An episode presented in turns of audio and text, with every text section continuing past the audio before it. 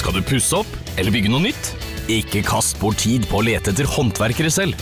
Gå inn på mittanbud.no og lag en beskrivelse av jobben du ville ha gjort. Så mottar du tilbud fra flere erfarne håndverkere som du kan sammenligne.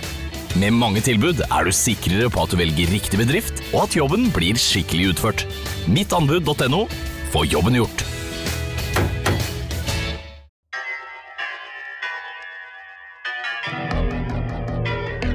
Nabohuset. Du hører på Uvirkelig fra Svarttrost.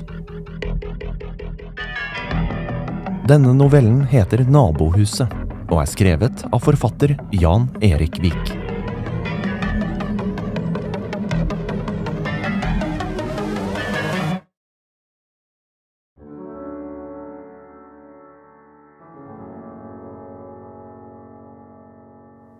Jeg satt på kjøkkenet sammen med Mary, min kone gjennom 30 år. Vi levde et traust, men normalt liv, hvor begges arbeidskarrierer hadde endt opp i en uføretrygd så altfor mange år før det skulle. Økonomien var så som så, men uten verken barn eller barnebarn så klarte vi oss greit, selv om vi ikke tok oss råd til de store utskeielsene. Likevel hadde vi drømmer for fremtiden. Drømmer om å tilbringe de neste årene i solrike strøk med paraplydrinker, lange, varme kvelder og penger til å gjøre som vi ville. Realistisk? Kanskje ikke. Men vi hadde hatt en idé, eller rettere sagt en plan, om hvordan drømmen kunne bli virkelighet. Gullgruven vi lengtet etter, lå nemlig like foran oss. I nabohuset som jeg akkurat i dette øyeblikket stirret lengselsfullt mot. Vi satt rundt kjøkkenbordet og spiste frokost. Mary tygget på sitt sedvanlige knekkebrød med ost. Jeg hadde for anledningen stekt meg et speilegg som lå dandert på en grovbrødskive på tallerkenen foran meg. Jeg hadde to striper med ketsjup over eggeplommen og et godt dryss med salt over det hele. Jeg satt klar med gaffelen men ble passivt sittende og glo ut av kjøkkenvinduet mot huset til Frank og Alice, som allerede badet i deilig morgensol. I flere år hadde misunnelsen over beliggenheten deres gnagd i oss som sultne rotter. Det var flere kilometer til nærmeste hus. Våre to boliger var de eneste i området, men forskjellen var likevel så uendelig stor. Vi hadde begge overtatt huset etter våre foreldre, men at Frank og Alice hadde kommet bedre ut, hersket det liten tvil om. De hadde sol nærmest hele dagen. Huset deres lå på en topp, med både utsikt og tilgang til jaktterreng, og attpåtil strakk eiendommen deres seg over deler av elva som bugnet av deilig laks. Vårt hus lå nede i en liten dal. Fjellet lå som en vegg i ryggen og gjorde at solen knapt slapp til, bortsett fra når den sto på det aller høyeste. Dødsskyggenes dal hadde Frank spøkt med, i en setning hvor stemningen mellom oss hadde vært på det verste, noe den egentlig hadde vært ganske konstant det siste året. Naboforholdet var ikke bare kjølig lenger, det var direkte iskaldt. Frank og Alice var omtrent ti år eldre enn oss, og vi hadde egentlig aldri vært nære venner. Det hadde vært det man kan kalle et profesjonelt naboforhold, inntil nylig. Da skar det seg skikkelig og det var den gangen planen vår om et lykkeligere liv så ut til å skulle rakne fullstendig. Jeg var en fisker av rang, elsket friluftsliv og var en handyman som hadde arbeidet som håndverker siden jeg var 16. Da Frank og Alice plutselig hadde nevnt at de på sikt ønsket å flytte, kom jeg på den enorme muligheten som skulle sikre oss. Jeg skulle by på huset deres. Kjøpe det for en fornuftig sum, og deretter bygge det om til små ferieleiligheter med jakt- og fiskemuligheter. Det var et genialt konsept, som jeg visste ville gi avkastning, for området var idyllisk og populært blant naturelskere. Jeg hadde flere ganger spurt Frank om å få fiske i elva eller jakte i terrenget hans, men den sta idioten var ikke villig til å dele med noen. Flere hadde nemlig spurt, men Frank ønsket fred og ro uten andre folk i nærheten. Hadde han hatt litt forstand i det gamle hodet sitt, så hadde han tatt penger for det, men så langt hadde han ikke tenkt. Ikke før jeg begynte å by på huset og eiendommen hans. Det var som om han forsto at jeg hadde en plan. For det lille lysglimtet han fikk i ansiktet da han først så for seg et raskt og ukomplisert salg, forsvant da han innså at jeg selvsagt hadde en baktanke. Han gikk ikke på argumentet mitt om at jeg ønsket meg mer sol og utsikt. Han luktet at det lå noe mer bak. Opprinnelig hadde han fryktet at ingen ville være interessert i huset, men nå, nå begynte tankene hans å fare i nye retninger. Huset skulle ut på det åpne markedet. Han ønsket budrunder og eiendomsmegler. Jeg ble irritert, men ikke minst redd for at alt skulle glippe. Jeg hadde nær sagt lovet Mary at det skulle gå i boks. Jeg visste at jeg aldri ville vinne en budrunde. Jeg hadde mulighet til å by en fornuftig sum, men ikke nok til å konkurrere med pengesterke investorer. Jeg antok at en megler ville se mulighetene og selge eiendommen for det firedobbelte. Det var bare Frank og Alice som ikke så det. I hvert fall ikke ennå. Jeg stakk gaffelen i speilegget. Akkurat idet jeg så to politibiler og en ambulanse skrense inn på tunet til Frank og Alice. 15 minutter tidligere hadde en av kommunens biler fra hjemmetjenesten ankommet, sannsynligvis for å skifte på såret som Alice hadde pådratt seg. Hun hadde den siste tiden slitt med en betennelse i foten, og annenhver dag var sykepleierne innom for å rense såret. Det var tydelig at noe alvorlig hadde skjedd. Den gule eggeplommen rant seigt utover tallerkenen. Jeg slapp gaffelen ned, reiste meg opp og gikk bort til vinduet. Mary kikket skrekkslagent mot meg, og ansiktsuttrykket mitt var neppe annerledes. Vi ble stående slik inntil to uniformerte politifolk kom løpende mot huset vårt. De oppdaget oss i vinduet og ropte til oss uten at vi kunne høre hva som ble sagt. Jeg åpnet vinduet og oppfattet straks hva de ropte. Er dere alene der inne? Jeg nikket med hodet. Ja, det er bare oss. Hvordan det? Jeg fikk ikke noe svar. Så bare at de braste inn inngangsdøren vår. Jeg skalv i hele kroppen, og Mary tok til tårene. Har dere sett Frank? Har han vært her? Det var en kvinnelig betjent som snakket med oppkavet stemme. Jeg kunne se adrenalinet lyse i øynene hennes. Den mannlige kollegaen løp rundt og sjekket alle rommene i huset, før også han kom inn på kjøkkenet. Tomt. Han er ikke her. Svetten silte nedover tinningen hans. Han kalte opp sine kolleger via sambandet han hadde festet på uniformen, og meldte inn den samme opplysningen. Tomt. Han er ikke her. Mary og jeg ble loset ut av huset og inn i en politibil. Det skulle bli en lang dag med avhør på politikammeret, og vi skulle snart få beskjed om årsaken.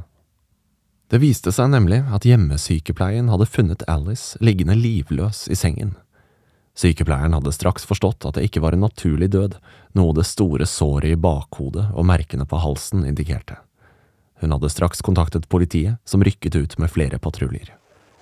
Det som gjorde det hele mer mistenksomt, var at ektemannen Frank var sporløst forsvunnet. Han var rett og slett som sunket i jorden, og det var derfor politiet hadde stormet huset vårt.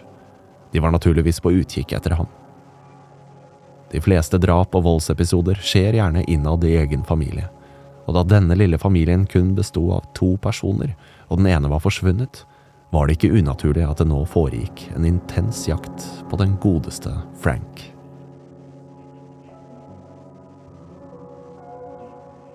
Veier ble sperret av, og det ble satt inn hunder i søket etter ham. Mary og jeg ble samtidig grundig avhørt. Spørsmålene var mange og dreide seg mye om forholdet mellom Frank og Alice. Vi fortalte som sant var at vi ikke hadde oppdaget de store konfliktene, men at Frank både kunne være hissig og litt styrende som type. Det var liten tvil om at det var han som var sjefen i hjemmet. Vi fortalte også at vi ikke hadde noe spesielt nært forhold til dem, da aldersforskjellen og interessene spriket i alle retninger, men at vi selvsagt hadde vært innom på en kaffe i ny og ne.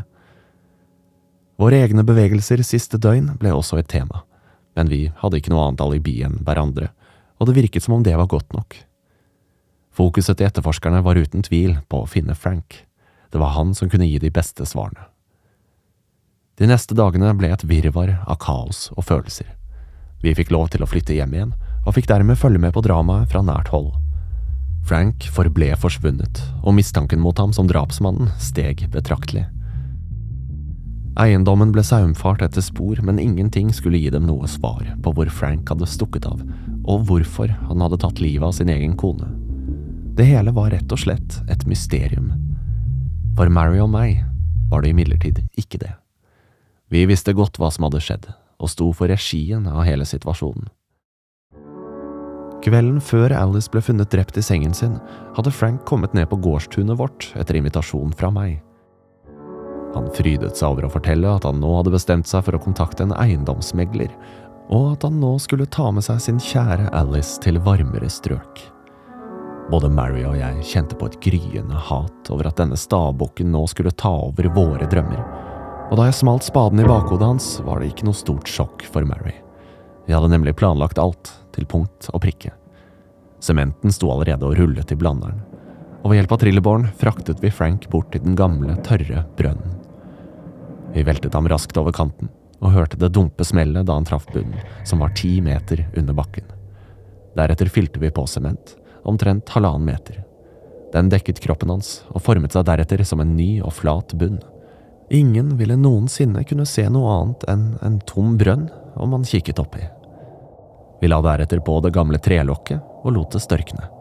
Deretter spylte vi hele gårdsplassen, for sikkerhets skyld, noe som egentlig ikke hadde vært nødvendig ettersom det regnet hele den påfølgende natten. Politiet hadde selvsagt sjekket tomta vår, og sågar også lyst ned i brønnen. De fant naturligvis ingenting. Vi fryktet derimot hundene, men selv ikke de klarte å snuse seg ti meter ned i bakken og gjennom størknet sement. Med Frank borte for godt var resten av planen helt nødvendig og også genial. Ved å drepe Alice også ville selvsagt Frank fremstå som den soleklare gjerningsmannen. Det var et plott som min kriminteresserte kone hadde lest i en bok, og da hun nevnte det, var jeg stum av beundring. Det er nær sagt fasiten i en etterforskers pensum at de nærmeste dreper hverandre. Og jo lenger tid det går før han dukker opp, jo sterkere blir mistanken. Enten har han klart å stikke av, eller så har han tatt sitt eget liv. Det var uten tvil disse teoriene politiet festet sin lit til, og det var i hvert fall dette som ble uttalt på ryktebørsen, noe vi selv også bidro til. Nå var det bare å sitte på gjerdet og vente. Vente til ting hadde roet seg ned og deretter slenge inn et skambud på dødsboet. For hvem ønsket vel å bo i et hus hvor det hadde blitt drept et menneske? Det var en genial plan på alle måter. Ferieleiligheter skulle bli en realitet, og for folk som ikke skulle bo der for alltid, ville hendelsen på sikt bare være en kuriositet og en spennende historie. Mary og jeg hadde endelig drømmen i sikte. Alt så ut til endelig å gå vår vei, idet vi en søndag formiddag oppdaget en politibil kjøre innover mot huset vårt. Riktignok hadde vi sett mange politibiler den siste tiden, men vi fikk begge et vondt sug i magen da den parkerte utenfor, og etterforskningslederen kom ut av bilen sammen med en betjent. De pekte rundt seg, og jeg følte blikket deres søkte brønnen. Jeg åpnet døren før de banket på. God eh, formiddag, kan vi komme inn? Etterforskningslederen smilte skjevt. Hva gjelder det? Jeg merket at stemmen min var en anelse aggressiv. Vi kan ta det på innsiden. Er det mulig å få en liten kaffekopp? Mary, som sto rett bak meg, styrtet inn på kjøkkenet uten å svare. Straks etter kom hun inn i stuen med kaffekanne og kopper. Ja, det var tragisk med Frank og Alice, og nå forstår jeg at dere ønsker å kjøpe tomta. Ja, vi ønsker oss eh, litt mer sol og utsikt. Svaret mitt var kort og konsist. Skjønner, men det blir dessverre ikke med det samme. Han pustet dypt inn og ut. Vi har nemlig undersøkt litt, og det er noen ting vi ikke har forstått med denne saken. Bilen til Frank står fremdeles i gården, og det rimer ikke med at han har stukket av. Han har vel tatt livet av seg, da? Stukket til skogs og hoppet i et av de mange tjernene? Ja, det kunne nok ha vært tilfellet, men det er en annen sak vi også har stusset over.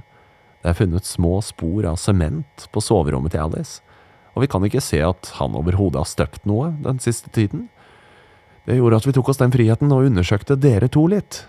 Og det vi fant, var at dere i forrige uke kjøpte flere sekker med sement på nærmeste byggevarebutikk. Ja, hva så, er ikke det lov, da? Jeg støper en takterrasse på baksiden av huset, og Frank har vel vært og kikket på verket? Jeg reiste meg og pekte ut av vinduet.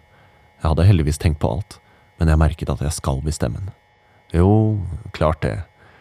Men det gjorde at vi undersøkte enda litt mer. Et klokt og belest hode i teamet mitt lanserte ideen om å tenke utenfor boksen, og nevnte et plott i en krimbok han hadde lest. Et plott hvor man tar livet av to personer for å dekke over det ene drapet. Det ene liket fjernes for evig og alltid. Søkelyset vil jo helt garantert havne på den som er sporløst forduftet. Det skal sies at vi andre lo litt av ideen, for det virket nærmest for vilt, helt inntil eh, Helt inntil hva? Jeg presset frem de tre ordene. Helt inntil den samme kollegaen forsøkte å finne boken på det lokale biblioteket. Og den siste som hadde lånt boka, var din kone. Er det ok om vi tar en ekstra titt i brønnen deres?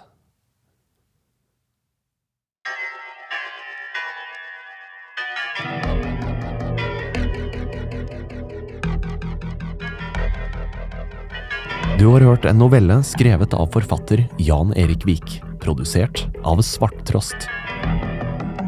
Historien er lest av Scott Maurstad, og Hans Kristen Hyrve har stått for musikk og lyddesign.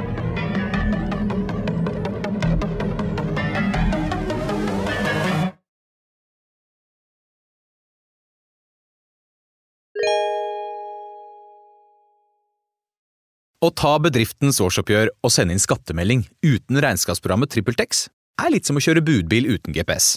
Du får nok levert, til slutt, men ikke uten å rote rundt og bruke masse tid. Med TrippelTex kan du stole på at du har riktig verktøy til regnskapsjobben. Prøv gratis på TrippelTex.no. Driver du en liten bedrift? Da tenker du sikkert at dette er en reklame for fiken. Men det er det ikke, for vi er Folio.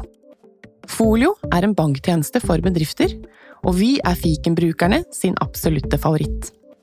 Med Folio får du nemlig en superenkel nettbank og kjappere regnskap. Dessuten får du påminnelser om alt du ellers må huske på.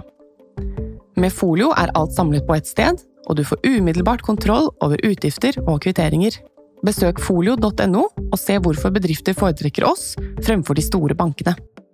Folio smartere enn banken.